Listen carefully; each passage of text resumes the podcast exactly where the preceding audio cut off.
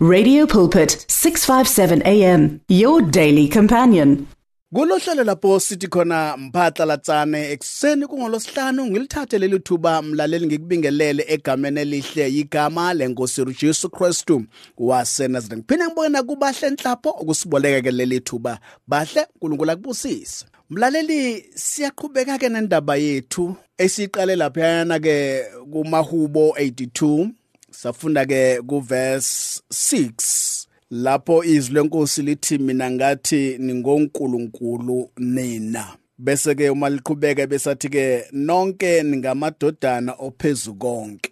Manje umbuzo ukuthi sesingabonkulunkulu sibonkulunkulu kobani? Kimina mlaleli kuyavela ukuthi singavele sithathe ivesi nje sigijime ngalo. Kumele sibheke ukuthi kwakukhulunywa kobani bekwenzakalani lapho? Kungako izwi lenkosi ithi ke kumele sihlole imibhalo ngoba sizovele se-act ebantwini singonkulunkulu thina sibantwana bakankulunkulu automatically sesibonkulunkulu umbuzo ukuthi sibonkulunkulu kobani? Ngoba unkulunkulu ngunkulunkulu kithina unkulunkulu ungubaba wethu kithina. Thina-ke mlaleli singonkulunkulu kubani?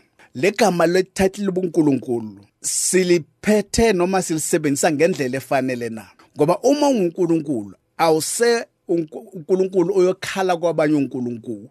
Ngamamagama wenza izinto zenzeke ngenxa ukuthi ungunkulunkulu. Ake sizwe ke kuverse 7 uma seliqhubeka lithi ke kanti nokho niyakufa njengabantu nje niwe njengesinye sezikhulu. Usuyabona ke mlaleli iviki lendlule sibone ukuthi uNkulunkulu wayekhuluma phakathi koNkulunkulu. Ngamagama wayekhuluma phakathi kwamajaji wakaIsrayeli noma abahluleli bakwaIsrayeli ababengahluleli ngendlela efanele ababekhetha ubuso babantu. Ngamagama babahlulela ngokwesaba. Ngakho ke uNkulunkulu ngakakhuluma kubo aphinda futhi athi kubo nina anenzi into efanele ngenxa ukuthi ke nikhetha ubuso.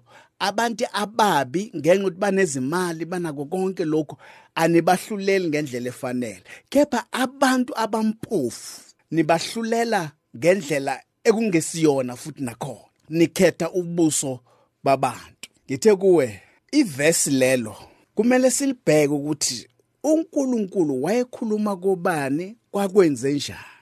Ake sibuyeke siye laphayana kuJohn chapter 10 verse 34 nalapho uJesu aphendula kubo ngendlela leyo uNkulunkulu akhuluma nabahluleli bakwaIsrayeli.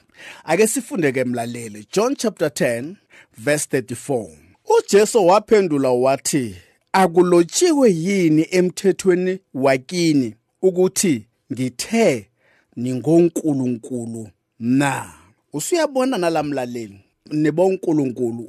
It's a small capital letter. U-n omncane. Now kungani ujesu abareferela back kulentuza kumahubo 82 sizathu futhi kwakwenze njani? Kwakwenzakalani la ujesu azathi kubo ekuvesi 34 akulotshiwe yini emthethweni wenu wakini ukuthi ngithe ningonkulunkulu na? Ake siqale laphayana kuverse ukuze sibone ukuthi uJesu ukuze akhulume lawa mazwi. Kwakwenze njani? Mlaleli. Verse 30 asicela lapho kuverse 30 mina nobaba simunye. Abajuda basebebuya bethatha amatshe ukuba bamkhande. Verse 32 uJesu waphendula wathi nginitshengisa imisebenzi eminingi emihle evela kubaba. Yimuphi umsebenzi kulena eningikhandela wona na? Verse 33 bamphendula abajuda bathi asikukhandi ngenxa yomsebenzi omuhle kepha ngenxa yokuhlambalaza ngokuba wena ungumuntu ozenza uNkulunkulu. Ungumuntu ozenza bani? uNkulunkulu. La izwi lenkosi lithi ke uJesu uma esesho la mazwi athi mina nobaba simunye amajuda bathi ngamamagama uzenza uNkulunkulu. iBhayibheli lalithi ke base bethatha amatshe befuna ukumkhanda. uJesu masebabuza ukuthi ke ningikhandelani? Ngokuba nginibonisa imisebenzi emihle kumahubo 82 bokuyimisebenzi emibi. La ku New Testament la ku John la uJesu ethi ningonkulunkulu wayebakhombisa imisebenzi emihle. Ngakho ke labantu ku82 abangonkulunkulu ebantwini abahluleka ukwenza izinto ezinhle ebantwini abahlulela ngokungalungile. Kepha baloke bababiza ukuthi ke bangonkulunkulu. Kepha uJesu la uveza imisebenzi emihle. Labo bantu ababona lemisebenzi emihle sebafuna ukumkhanda ngamatshe. Sebathi kuye asikukhandeli ukuthi wenza imisebenzi emihle. Kepha sikukhandela ukuthi ke uthi ungumuntu uphinde uzenze ubani? uNkulunkulu. Ake sizwe ukuthi uJesu uthini kuverse 34 uJesu wayesethi waphendula wathi akulotshiwe yini emthethweni wakini ukuthi ngithe ningonkulunkulu na?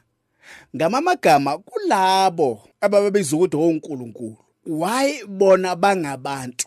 Bazenza onkulunkulu. Babe onkulunkulu kepha abakhandwa ngamatshe.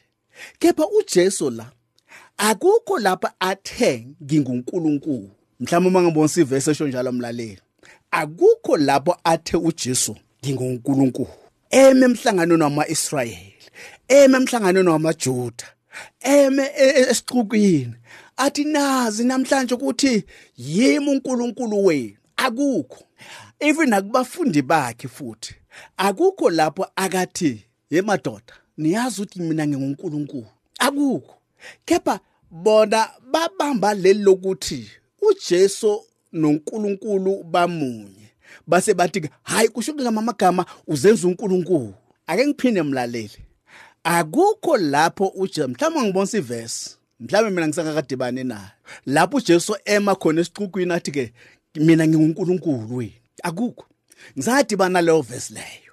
Kepha la usethi ke akulotshiwe yini emthethweni wenu ukuthi ngithi ningonkulunkulu na? Kwathi uNkulunkulu angasilekelela mlaleli sizama ukuzwisisa izwi likaNkulunkulu ngendlela efanele. Singaloko sithwala amahlombe ebantwini singonkulunkulu thina singonkulunkulu abancinyana thina ngengokuthi ubaba wethu uNkulunkulu singazwisisi ukuthi eh mlaleli la uJesu sethi ke bukani la madoda. Amahubo 82 verse 6 emthethweni wenu kwalotshwa ukuthi ke ngithi ningonkulunkulu. Nimangazwa yini manje? Futhi akazange asho ukuthi ngingunkulunkulu kubona. Kepha uthi ke mina nobaba simunye. Ngamamagama uma nibona mina nibona ubaba ngenza izinto zaloyo ongithumileyo. Angenzi ngokuthanda kwami. Oh umlalelo wakhe uNkulunkulu angaselekelela nathi singabantwana bakaNkulunkulu siphile ezweni likaNkulunkulu siphile ngezwi likaNkulunkulu siphile ngalokho uNkulunkulu wathi sikwenze esizweni. Sakhile. Ngenxa yesikhathi ake sithi ke ukuma lamlaleli sizoqhubeka ke iviki lizayo ke sithi ukubonisana ke futhi ke ngalama verse thatha le ntamo iphinisele kubahle. Bahle intambo kwezakho babayilapha ekhaya mlaleli. The words of the Lord are words of life. Your heart is on 657 AM. 657 AM. Radio for believers in action.